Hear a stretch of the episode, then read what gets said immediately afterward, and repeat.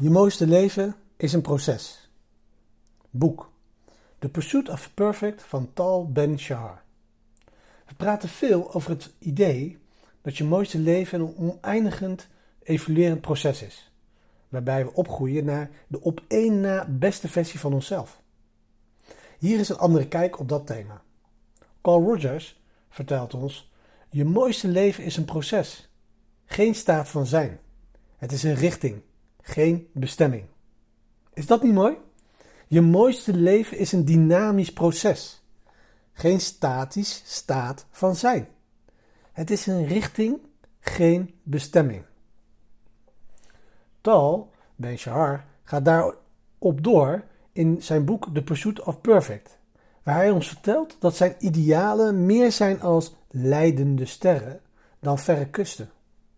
Nu kunnen we leidende sterren volgen, maar we zullen in problemen komen als we ze beschouwen als verre kusten die we op een dag daadwerkelijk zullen bereiken.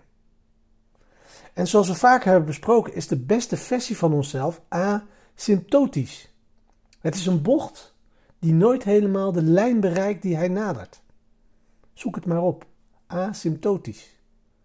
En hoe hard we ook werken, we zullen er nooit echt aankomen. En daarom, de wijze mensen onder ons zullen een glimlach op hun gezicht toveren en eraan denken te genieten van het proces van zijn en worden. En dat is de microles van vandaag.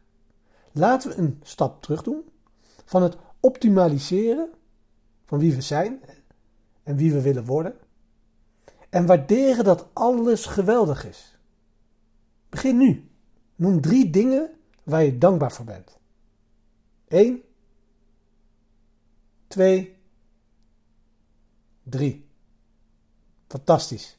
En blijf je zegeningen tellen.